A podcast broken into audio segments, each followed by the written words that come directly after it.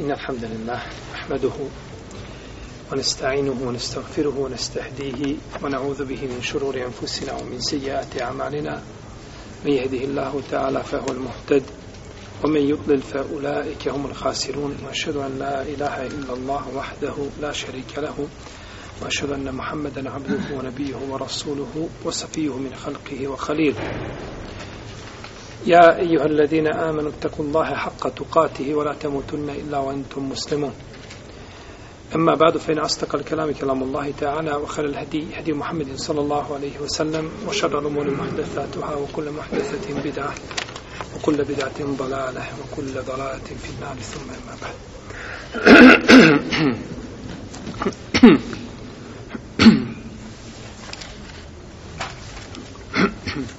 Mi smo došli do četvrtog rukna a to je stajanje na Arefatu ali smo kazali u zadnjem predavanju da ćemo kratko se samo osvrnuti na pitanje proširenja a, sajja koje se desilo u prije prilike dvije godine da vidimo samo kratko da se upoznamo sa hukmom i propisom. Ovo pitanje razmatrali su savremeni islamski učenjaci i govorili o njemu, jer budući da se sada desilo na ovakav način, i razišli su se, znači, imaju različite stavove u tom pogledu. Sadašnje proširenje Saija dovelo je do toga da je Saji prethodni a, ograničen na samo put od Merve do Safe. Pa je faktički napravljen novi put ili novi put kojim se ide od Safe do Merve. Pa je tako proširen za duplo. Ako pogledamo ono što se je dešavalo na hađu u zadnjih 15 godina na džemaratima, a i na tavafu, i na saju vidjet ćemo da je ljudima povećanjem broja hađija bilo i tekako otežano obavljanje ovih obreda. Tako se je znalo dešavati, znači da u roku od desetak minuta 300 ljudi na mini bude mrtvi. Za kratko vrijeme. Znači, panika kada nastane i kada zavlada, niko nikoga više ne poznaje. Svako gleda da spasi sebe. I subhanallah, kada insan posmatra te prizore, šta se dešava među muslimanima, vjernicima koji došli da obave hađ, onda se zapitamo kako će biti na sudnjem danu. Kako će ljudi bježati jedni od drugih i niko nikoga neće poznavati. Pa je ljudima bilo znači otežano obavljanje ovih, ovih obreda. Proširenje harema se je desilo više puta u istoriji islama. Prvi put je to bilo 160. godine Hidžetske, a nakon toga četiri godine odma se je desila ista stvar.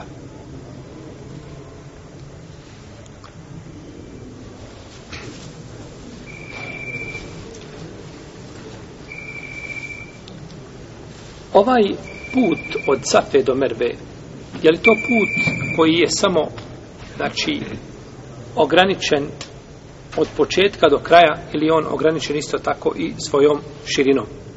Islamski učenjaci koji su govorili o Mekke, propisima Mekke, kao što su imam Al-Fakih i Azraka i drugi, spominjali su da je širina puta kojim se čini saji bila 35 i po podlaktica. Da li je to samo da li je to šerijatski znači put na koji nije dozvoljeno dodavati ili, je nas, ili su nas ovi učinjaci obavijestili onome što se desilo ili kako je stanje bilo u njihovom, u njihovom vremenu.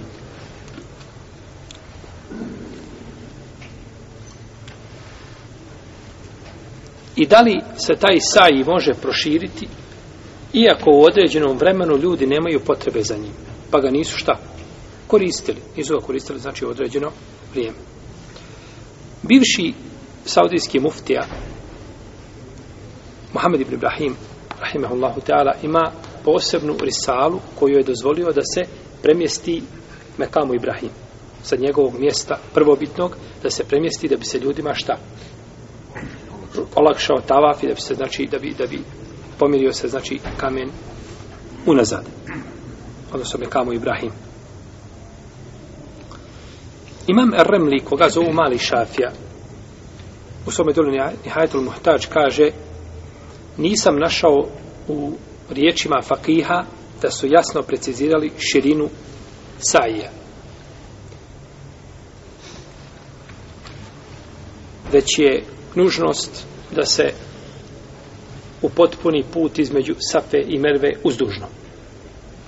A širina, kaže, nisu precizirali. Znači, dok nisu precizirali, nije bilo šta potrebe, potrebe za tim preciziranjem.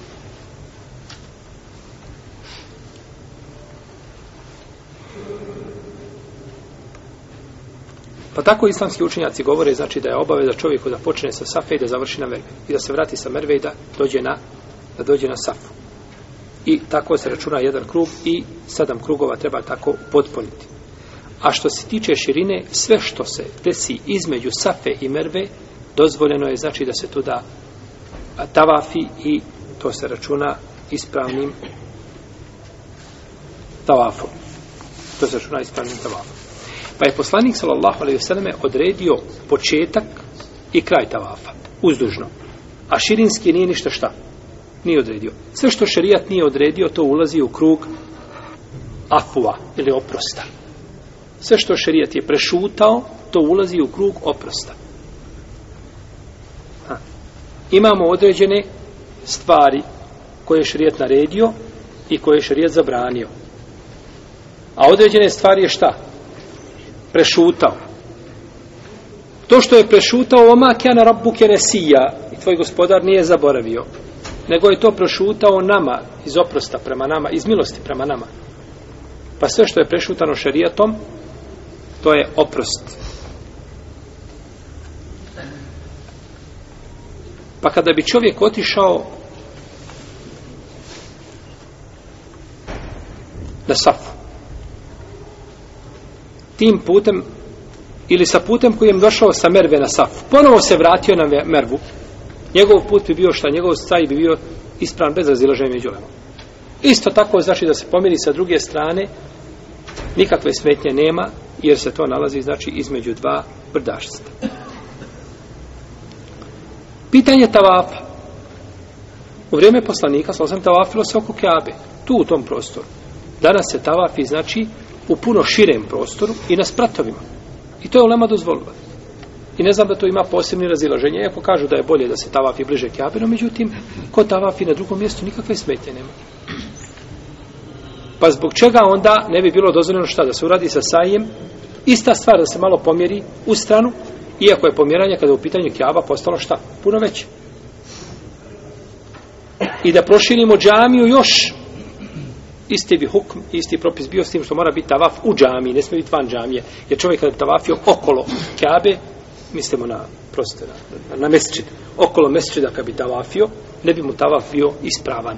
Mora biti unutar džamije. Dok je unutar džamije, je god da bio, inša Allahu Teala, da je ispravan. I o tome je govorio Šehul Islam, imam tebi u svom dijelu, Ar-Redu al-Lahnaji, na 135. stanici kada je govorio, kaže, da, da, da proširenjem džamije, koliko god da se proširila, da to ulazi u taj hukm i da ulazi u, u taj, jeli, propis. Omar radijallahu ta'ala ono govorio, kada bi se mesčit poslanika, sa sam proširio do dhul hulejfe, bio bi mesčit. 6 km kad bi otišao i van predgrađe Medine, bio bi sve to mesvid ako je spojen, znači, safovima i ako su spojeni, tako i u Mekke, dok su spojeni safovi i napolju sve što je spojeno safovima ispravno je da ljudi imaju nagradu 100.000 namaza s tim što je svakako sve što si bliže prvom safu da je, da je to bolje, ali to su nagrada, to je nagrada po čemu? po safovima, Čovjek koji dođe u džami ovdje klanja u zadnjem safu ima 27 deređa. I koji klanja prvom ima 27 deređa. S tim što onaj u prvom safu ima posebnu nagradu za šta? Za prvi saf, ali oni 27 deređa, deređa nije upitno onome ko klanja na polju džumu, jel u redu, kada su safovi spoje. Isti je, znači, propis i ovdje kada je u pitanju, jeli, a, kada su u pitanju džamije ove. Kaže Ibn Batuta u svome djelu Garajbolim Sar, kaže dolazio sam do Safe i do Merve i tu je bilo bila pijaca među Safe i Merve kaže toliko se ljudi gurali skoro da su one štandove povaljali ljudi su kaže prodavali žitarice prodavali su meso sve tu pored čega pored Safe i Merve znači to su nije to bilo kao danas izgrađeno lijepo pod klima uređajima nego si bio napulju po prašini hodaš po pustinji znači kaže tu su ljudi bili prodavali i nije bilo kaže druge pijace osim te što znači da nije to ograničeno precizno, nego da su to tu ljudi koristili, znači po, po potrebi. Čak se navodi u nekim knjigama koje govore o biografijama da imam Nesaija Abdurrahman ibn Ahmed ibn Shu'aib rahimehullahu ta'ala koji je imao 303. hiđarske godine poznati autor ili sunena da je ukopan između Safe i Merve. Neki kažu da je ukopan u Palestini, neki kažu između Safe i Merve.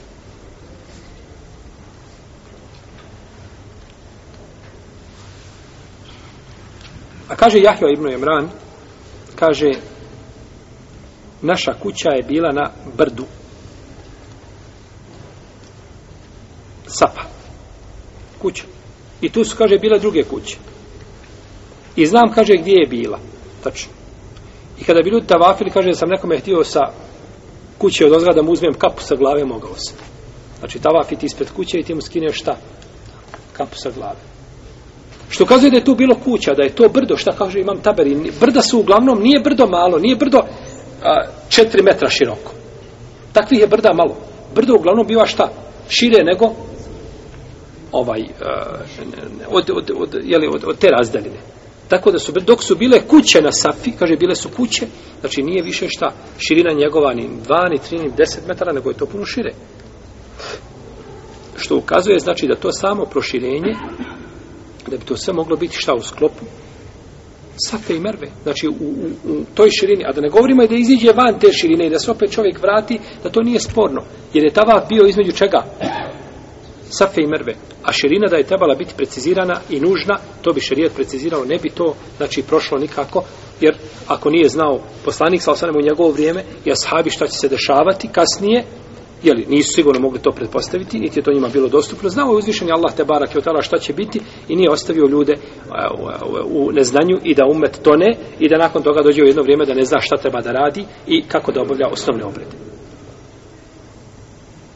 Pa ako je to bilo, znači, u njihovo vrijeme poznato da su tu bile, znači kuće, neki su bili na, na Mervi, tu su bili, navodi se u predajama da su bili, koji govore putevi, ulice tuda, da su, znači da su prolazile ovaj, neki su čak nekada vladari se kaže neki dostavafile autima dok dođe autom pa dok se okrene i tako dalje to je prelazilo sigurno jednu širu znači ovaj jele površinu tako da Allah te alalem da je ispravno da je dozvoljeno tavafiti u ovome novom proširenju da to nema nikakve smetnje iako je ovo pitanje najbolje posmatrati znači kroz prizmu ovoga džematskog ičtihada znači da ulema kompletna sastane se da se pokušaju odrediti istorijske granice ako imaju no međutim teško je naći ono što se spominje od, od širine Saija jeste ulema objašnjava govori neko je bio na putu i došao u Meku i govori zatekao sam ljude u Meki tako i tako jesu li to šerijatske granice pa nije bilo potrebe tada je bilo potrebe da bude taj e, eh, Saija da bude toliko širok nakon vremena možda se nakon toga ukaže da se opet mora proširivati No međutim, ono sve što u običajnom pravu pada između Safe i Merve, smatra se dozvoljenim. Jer kada bi čovjek izišao napolje, van toga, zamislite onaj sad kraljev dvorac što ima preko puta, ne Safe i Merve koje je vidio, da se ono sruši, valjda će se rušiti, kažu. I još tamo unutra u Meku uđe neko i ta ide između Safe i Merve. Nije hodao što između Safe i Merve. No međutim, sve što se smatra hoda ime Safe i Merve, tamo bilo malo izvučeno u lijevo i udesno, nema išao tala smetje, jer to, to, to, tome nema zapreke. Tome nema zapreke. U protivnom moramo, nužno je da moramo spriječiti ljude da tavafe u džamiji. U džamiji na prvom i na drugom i na trećem spratu ne smiju tavafiti.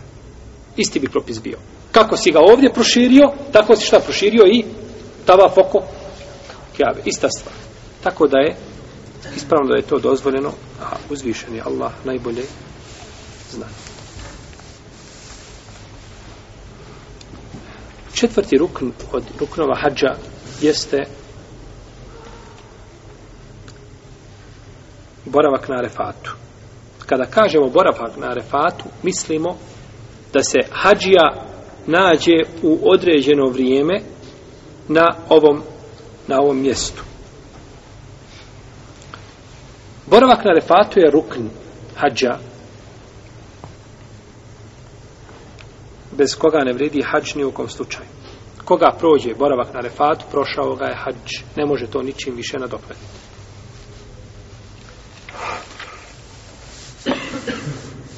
I ovaj rukn je potvrđen Kur'anom i sunnetom i konsensom islamskih učenjaka. Kaže uzvišenje Allah tebar fela thumma fidu min hajthu fadan nas. Potom krenite odakle ljudi kreću. Potom krenite odakle ljudi kreću.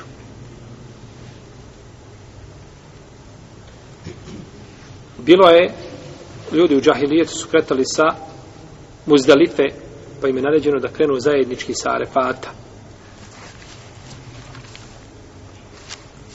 A u džahilijetu su radili jedno, pa im je naređeno znači da nakon toga u islamu rade drugu stvar. I došli su brojni hadisi,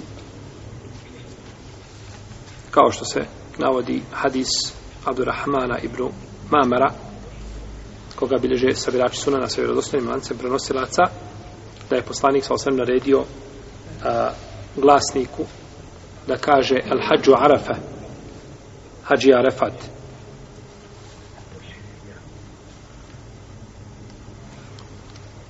Pa kaže dalje poslanik sa osvrem ko dođe na ovo mjesto prije nastupa zore a ima hađi. Znači, ko bi došao na refat prije nastupa zore, prije desetog dana, znači prije zore ovaj desetog dana Dulhidžeta, dana Bajrama, znači stigao je na hađ. I veliki broj islamskih učenjaka navodi konsensus pravnika po ovome, po ovome pita. Što se tiče samog vremena boravka na refatu, islamski učenjaci imaju različita mišljenja. Koliko je Ha, najmanje. Svi se slažu da se mora boraviti. A koliko je, koliko je to najmanji period koji treba provesti, tu postoje razilaženja znači među islamskim pravnicima.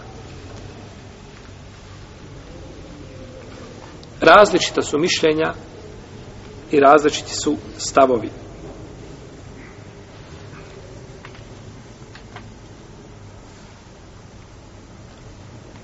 Ono što je potvrđeno jeste da je poslanik sa osrame boravio cijelu noć na ome mjestu. I nema sumnje da je to najsigurnije i da je to najispravnije. Iako islamski učenjaci razlikuju, pa jedni kažu jedan dio ako boravi noći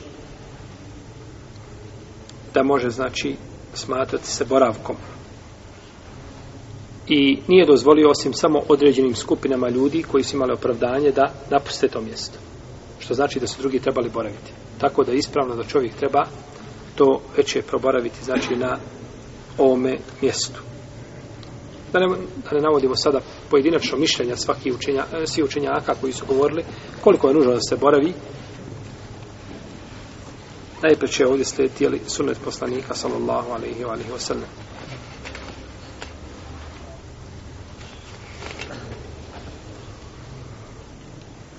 kada se čovjek nalazi na refatu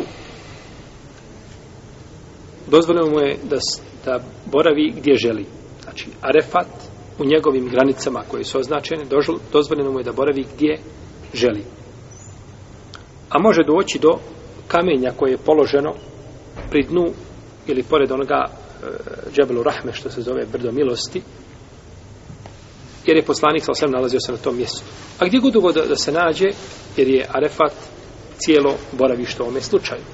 Tako da je pogrešno ono što ljudi se penju na ono brdo koje je bio na hađu, mogao je vidjeti.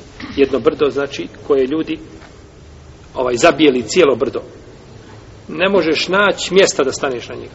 Tu se penju i smatraju da je to posebno nešto. Ovaj, otežavaju sebi svoju vjeru, to je neispravno. Penjanje na to brdo nema nikakve osnove. Niti to treba činiti, to je greška.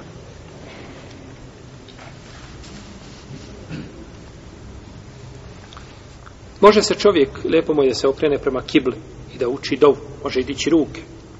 Poslanik je s.a.v. govorio Hajru du ajdu au jaume arafa u hajru ma kultuhu ene on nebijune kabli la ilaha in Allahu vahdehu la šarike leh lehul mulku lehul hamdu wa Allah nakul šink. Najbolja dova je dova na dana refata, a najbolje što sam ja rekao i poslanici prije mene ova dova ili koju smo kazali. Kakva se dova učinje? Došlo je od poslanika, sa osreme, nekoliko hadisa koji govore o kakvoći dove. Šta se znači uči na ome mjestu? No, međutim, svi hadisi koji govore o dovama i njihovim kakvoćama na ovom mjestu su daif. Nisu vjerodostojni. Tako da nema ništa pozitivno. Šta god čovjek da uči od dova, hajdi bereket. Da sebi napiše dove, imaju neko dijeli dove ispisane. Ako su dove vjerodostojne, nema i smetnje učiti. No, međutim, ne smije se to smatrati šta? Sunnetom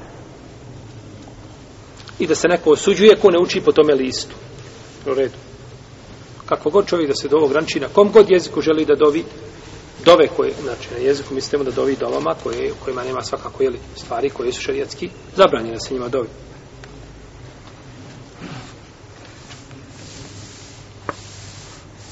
Dalje, da uči telbiju. Došao se Ibn Đubeira da je rekao, bili smo sa Ibn Abbasom, ovako bilež vam hakim sa vjerodostojnim lancem prenoslaca i bihka i drugi. Bili smo, kaže, sa Ibnu Abbasom, pa mi je rekao o Saide, šta mi je pa nečujem ljude da uče telbiju. Potom je izišao iz svoga šatora i učio lebejk Allahuma lebejk. Kaže, ovo je sunnet poslanika sallallahu alejhi ve sellem. Fa innahum katareku sunne, kaže ostavilo su sunnet. Šehrul sam imam temiju svojim fetvama, kaže, nije potvrđeno od poslanika, salava sveme, da je učio telbiju na ovome mjestu. Tako kaže u 26. tomu gdje govori opširno o propisima hađa.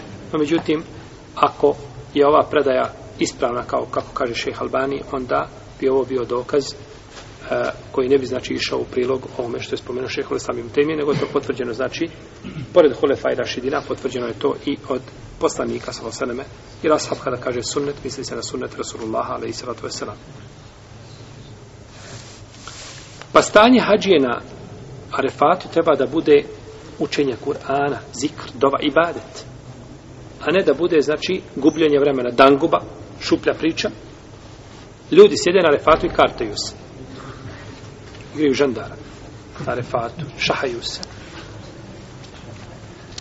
Ubiju vrijeme. Na arefatu, znači, rade ono što nije dozvoljeno raditi mimo arefate. Čemu nikakvog hajda nema ni u kartanju, ni u, ni u, ni u, ni u šahu. Našto što je ovaj, Selefa došlo jasno o zabrani šaha. Tako da je to neispravno. A da ne govorimo da onima koji sede i slušaju muziku i koji puše, pored fat hode i puše. Ponekad je određenim ljudima najbolje kad spavaju. Najbolje kad zaspe, najmanje griješi. Zato bi najbolje bilo spavali na refatu. Bolje nego znači da čine ono za što će još biti pitan. Dalje, od sunneta na refatu jeste da čovjek ne posti. Da hađija ne posti na arefatu. Za razliku od ljudi koji su u mjestima boravka i nisu u ihramima, nisu muhrimi, njima je sunnet da poste taj dan zbog velike nagrade. A hađije neće postiti kako je došlo u hadisku od Buhari kod muslima, od Mejmune, kaže, ljudi su sumnjali da li poslanik sa posti. Ha. Neki kažu posti ili ne posti. Nije im jasno bila. Kaže, pa sam mu poslala jednu posudu sa mlijekom, pa je pio mlijeko. U drugoj predaji da je bio na devi pio mlijeko da ga svi ljudi vide. Da ga svi ljudi vide. Pa nije sunnet hađi da posti na dan arefat. Šesti sunnet jeste da krene sa Arefata nakon zalaska sunca. Da krene smireno i polahko, znači napustajući Arefat. Jer je poslanik sa osrem rekao Ja i juhen nasu alejkom bis sekine fe inel birra lejse bili da'a. Kaže, o ljudi, polahko krenite mirno, nije dobročinstvo u žurbi. Nije dobročinstvo šta u žurbi, kako rekao poslanik sa osvrmu hadisu, koga bilježi vam lbejhek u svome dijelu šobol uh, iman, a etenni min Allah, vol ađeletu min šeitan, a smirenost je od Allaha, a žurba i srljanje je u šeitana. Ne misli se znači žurba globalno, da čovjek požuri sa određenim stvarima, ne smeta tamo gdje može požuriti, gdje žurba neće uzrokovati zlo. No, međutim, da žuri tamo gdje ne treba, to je zabranjeno.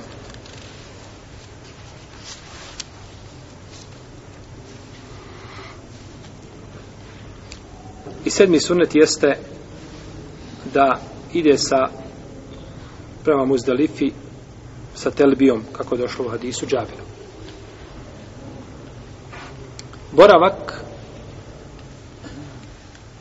Ovdje imamo svakako, jel, prije toga, spajanje, znači namaza, podne i, i kindije sa jednim jezanom i dva ikameta na arefatu. U podnevsko vrijeme. Boravak na muzdelifi. Islamski učenjaci razilaze po pitanju hukma ili propisa boravka na muzdelifi na tri mišljenja. Prvo da je rukn hađa i koga prođe, prošao mu je hađ. To je stav Ibn Abbas, Ibn Zubeira i odabrao ga je Ibrahime Neha i je Šabi i učinjaci Zahirijske pravne škole. I odabrao ga je također šehol Sam Ibn Kajim u svome dijelu Zadul Mad. I oni to dokazuju riječima Tabarake Allaha za ođel فإذا فضتم من عرفات فاذكروا الله عند المشعر الحرام i kada krenete sa Arefata, spominjite Allaha kod Mešar il Haram. A to je jedno mjesto posebno na Muzdelifi ili je cijela Muzdelifa s odno razilaženju među islamskim učenjacima. Pa je naređeno šta jasnim kuranskim ajetom spominjanje Allaha te barak od Allah na Muzdelifi. Muzdelefa i Muzdelifa. Dozvoljno reći jedno i drugo muzdelefa i muzdelifa, iako je muzdelefa ispravnije. Sa fethom na lama, muzdelefa, muzdelefe. Yes. Ali može jedno i drugo. I to dokazuju hadisom Urve Ibn Mudarrisa u kobe stoji da je poslanik sa osanem ko sa nama pristoje o ome namazu. Jeste na sabah namaz kada na uzdelifi. I stane sa nama dok ne krenemo i prije toga je boravio na refatu po danu ili po noći njegov hađ je potpunjen. Njegov hađ je potpunjen. Ovaj hadis šeh Albani koristi rahimahullahu ta'ala kao dokaz da je sabah namaz na muzdelifi rukno od ruknova hađe da je obaviti sabah namaz na muzdelifi rukn hađa. Ne znam da ima neko prije njega da je to rekao Allahu alem. I sad isa se to može nazrijeti. Može se hadis koristiti kao argument, no međutim treba vidjeti da li ulema prije toga shvatala ovaj hadis na ovakav način. U svakom slučaju nije upotpunjen, ne mora značiti, nije upotpunjen, znači upotpunjenjem koga ne vrijedi, bez koga ne vrijedi šta? namaz bez koga ne, čovjek može klanjati namaz i da ga ne upotpuni kako treba, ali da mu je šta? Da mu je ispravan, da mu je validan. Može imati to znači. I kažu, treći dokaz da je to rukn jeste to što je poslanik sallallahu alaihi wasallame praktično pojasnio naredbu obavljanja čega? Hadža. Pa bi ta naredba bila šta? Obavezna u tom slučaju. Imamo drugo da je vađib i da ko ostavi treba da se iskupi a njegov bi hađ bio ispravni. To je stav džumhura u Leme. Kako je došlo u hadisu? El hađu Arafa. Hađi Arefat. Ako dođe prije nastupa zore, upotpunjen mu je šta? Hađ. Znači, došao je na Arefat prije čega? Prije zore. Onda ne može stići nam uz Delifu šta? Do nastupa zore. A da je bio boravak na Muzdelifi rukn, onda mu šta hađ ne bi? Sa mnom ili ste sa mnom? Ha? Ne bio ispravan. Jer ko dođe na Arefat prije nastupa zore, došao je čovjek 15 minuta prije nastupa zore i bio tu. Ne može stići gdje na? Muzdelif, gotovo je. A Muzdelifa rukn. A poslanik sam sam kada je stigao je šta na? Hadž. Bila bi kontradiktornost.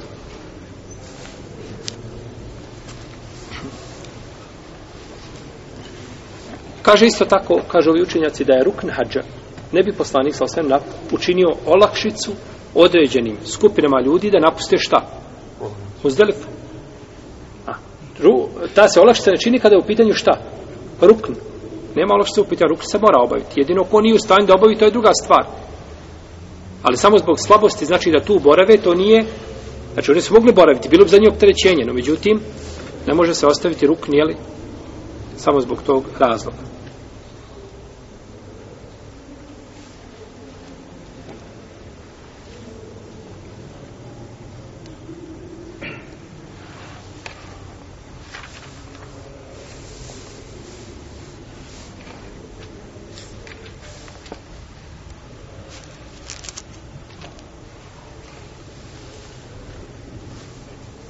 I ovo je najjače mišljenje znači mišljenje džumhura u Leme da je to vađib, da je obaveza, znači da se boravi.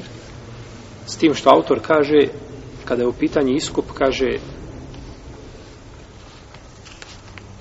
tu se ne slažem sa džumhurom učenjaka zato što za iskup mora biti poseban šta?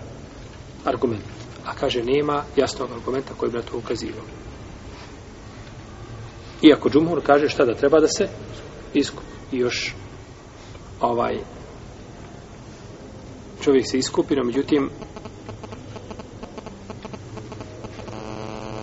bojat se znači za njega i grijeh koji može imati ako to namjerno uči. Da se iskupi sa hranjem ovce, hranjem žrtve. Treća stvar je, ili treće mišljenje da je sunnet. I ovo mišljenje je slabo. Ovo mišljenje je daiv. Nije, nije, nema osnove nikakve.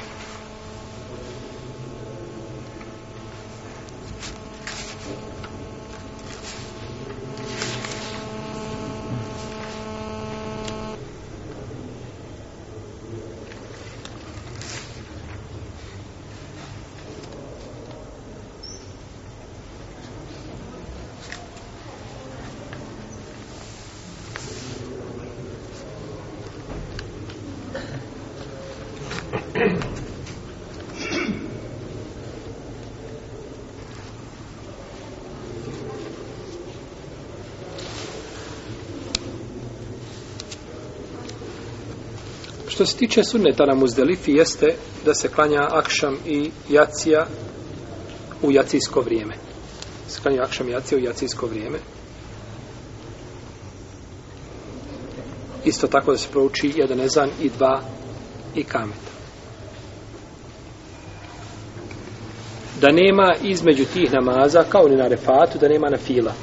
Znači nećemo klanjati podne, pa da to mjesto da klanjamo nakon toga sunnete podnevske, ne, nego se spaja, znači, spajaju se namazi bez nafila.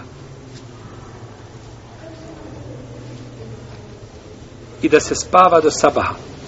To veće ne mora se, znači, i nije pohvalno to veće klanjati posebne nafile, zato što su sutradan teški obredi, odnosno puno obreda ima i najteži je dan na hađu, prvi dan Bajrama najviše je, znači, obreda, ide se, tavafi se, saji se čini, ovaj, treba klati žrtve, ko kolje, ili ko nekolje, ovek, on nekoga je opromoćio za to, treba brijeti glavu, znači otići u meku vraci ponovno na minu, naporno je. Poslije jacije, neki kažu, ne klanja se vitr. Jer je poslanik sa osvijem nije prešao da je šta klanjao vitr. Međutim, to nije ispravno. Ispravno je da se vitr klanja na ovome mjestu. Klanja se vitr i poslanik sa osvijem nije ostavio vitr sabarski sunet nikada, kako je došlo u hadisima. Znači, ako vitr nije spomenut, ne znači da ga šta nije. Došlo u hadisu, poslanik sa osvijem klanjao jaci i ušao u kuću svoju. I spavao. I nije spomenut da ujutru klanjao vitr. Možemo li kazati nije klanjao vitr? Ne možemo kazati nije prenešeno da je klanjao vitr. Nije spomenuto. A da li jeste ili nije, to ne možemo kazati. Ali imamo opće argumente koji ukazuju da poslanik sa osvijem nije vitr ostavljao znači ni na putu pa se na ome vitru, na, na ome mjestu treba klanjati vitr, bar jedan rekat, znači, najmanje jedan rekat. Da se klanja sabah namaz u prvo vrijeme sa jednim mezanom i, i kametu, ja, svakako. I ostaje se, znači, dok se dobro ne raspane. Ostaje se na tom mjestu dok se dobro ne raspane. da se na tom mjestu okrene čovjek prema kibli i da dovi i to je pohvalni postupak. Potom da kratko prije izlaska sunca krene sa muzdalife. Da kratko prije izlaska sunca krene sa muzdalife. Ima jedno mjesto koje se zove Batno Muhassir. Kaže se da je tu uništen ovaj Ab Abraha, tako se zove što je krenuo sa iz Jemena sa, sa vojskom? Ebraha. Ili Ebraha ili Abraha? Al muhim. Što je krenuo znači sa vojskom da je uništen na tom mjestu. Ashabu el fil da su uništeni na tom mjestu. Pa je poslanik sa osam požurio, a to je bio njegov običaj da pro, pored mjesta, znači gdje su ljudi kaženi da prođe brzo, da prođe žurno.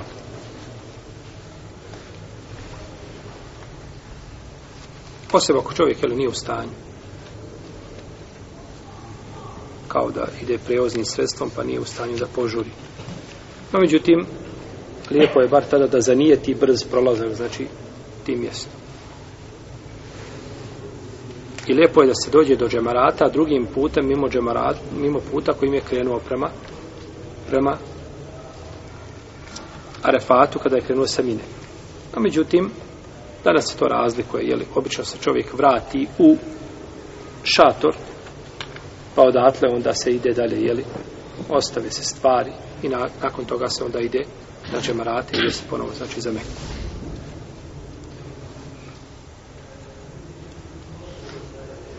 Bacanje kamenčića, to je naredno pogledaj šaltora o čemu ćemo govoriti u narednom druži. Allah ta'ala, sallallahu ala nebina Muhammed, wa ala alihi wa sallam.